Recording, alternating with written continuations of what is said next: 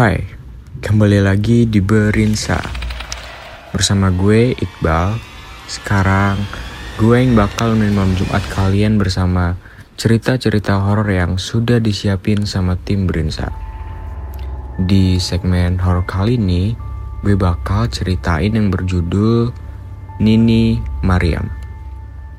Cerita ini gue ambil dari salah satu akun Instagram at Kalong jadi buat kalian yang gak berani dengerin, jangan dengerin sendirian ya.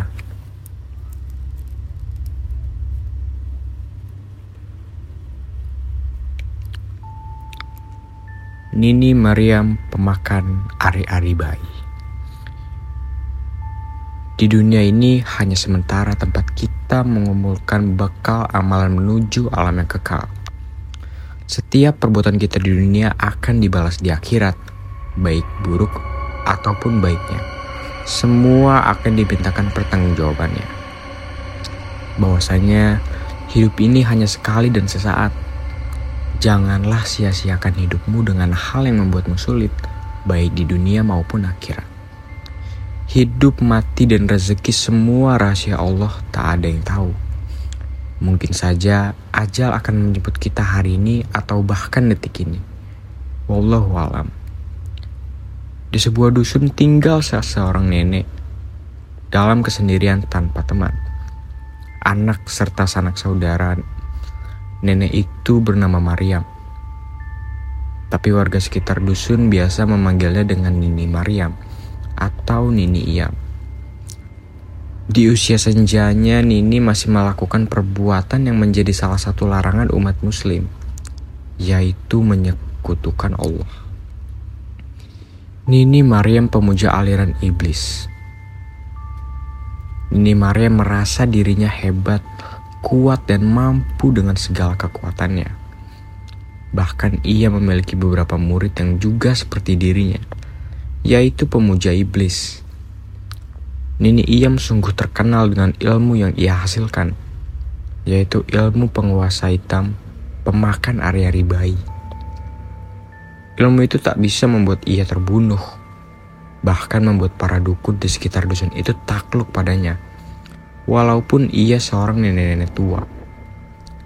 Di setiap malam Jumat Kliwon, selalu melakukan ritual memakan hari-hari bayi baru yang baru saja lahir agar kekuatan ilmu hitam tak memakan dirinya. Begitulah syarat yang mengikat dari pemujaan iblis. Untuk mengetahui di mana ia harus mencuri ari-ari bayi, ia mengutus seekor cicak untuk mengetahui keberadaan orang yang sedang hamil. Cicak itu akan terus memantau sampai waktunya melahirkan. Dan akan saat melahirkan, ini ia akan memantau bahkan menjelma menjadi dukun untuk membantu kehidupan sehari-hari layaknya seperti nenek pada umumnya. Ia melakukan kegiatan ke ladang berbaur dengan para warga dusun. Sebenarnya ini ia bukanlah penduduk asli di dusun itu, melainkan berasal dari Alas Purwo. Ia diusir dari Alas Purwo oleh penguasaan alam gaib Alas Purwo karena melanggar pantang mereka. Nah, Nini Mariam itu seseorang anak dari hasil pernikahan Raja Gendurwo dengan seorang gadis dari kalangan manusia. Jadi Nini Iyam itu berdarah iblis Genderuwo. Pantangan yang ia langgar dari kerajaan gaib yang ada di alas Purwo, yaitu memakan bangkai ibunya sendiri. Ibundanya setelah menikah dengan Raja Genderuwo, ia hidup di alam gaib dan meninggal saat melahirkan Maryam. Ayah Maryam tak menguburkan jenazah istri karena ia akan membangkitkan kembali setelah seribu hari kematiannya. Ayah Maryam tak menguburkan jenazah istri karena ia akan membangkitkan kembali setelah 100 hari kematiannya. Namun belum 100 harinya, jenazah atau bangkai istri dimakan Maryam yang saat itu memang sedang masa pertumbuhan yang sangat pesat. Karena Maryam terlahir dari bangsa iblis, pertumbuhan cukup pesat dan tingkat kelaparan juga meningkatkan tanpa diketahui. Ia memakan bangkai ibunya yang saat itu dibaringkan di sebuah batu. Maryam tergiur akan bau busuk yang keluar dari mayat ibunya. Ia pun memakan bangkai itu hingga bagian tangan kiri tak berbekas di lahapnya. Saat sedang menikmati, ayahnya menghampiri dan sangat murka.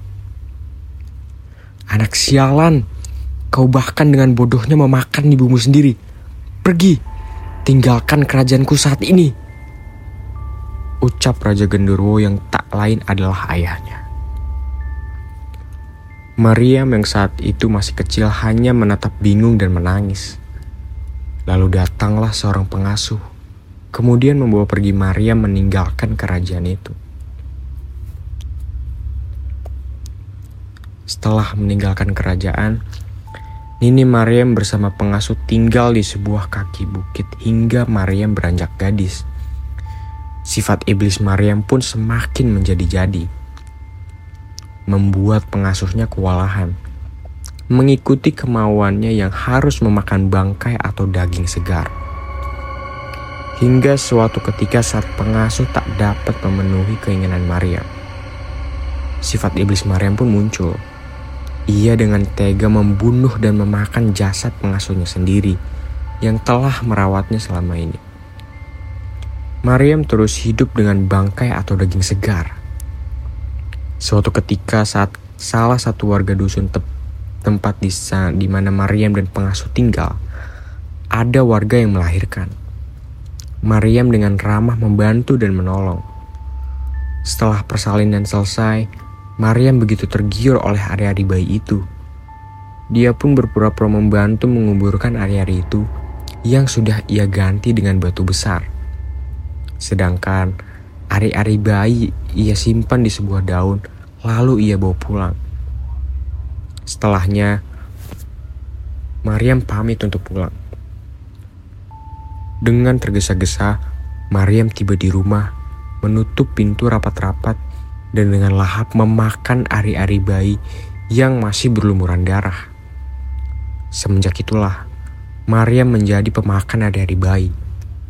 Apabila ia tak memakan ari-ari bayi, maka sebuah semua tubuh serta wajahnya tak cantik serta halus lagi. Rasa terbakar serta sakit akan menyiksanya. Pernah suatu ketika, Nini Mariam tak bisa makan. Kulitnya tiba-tiba berbulu. Muka menghitam, wajahnya menjadi tua. Ditambah lagi, rasa sakit yang menyiksanya saat kondisi seperti itu tak ada seorang pun yang mengetahui. Oke, segitu aja cerita yang gue bacain. Penasaran sama cerita selanjutnya? Jangan lupa buat dengerin Berinsa terus ya. Kalau kalian ada cerita horor, romance, atau random lainnya, kalian bisa banget DM di Instagram kita at osissmkbw2. Sampai bertemu di segmen horor selanjutnya. See you!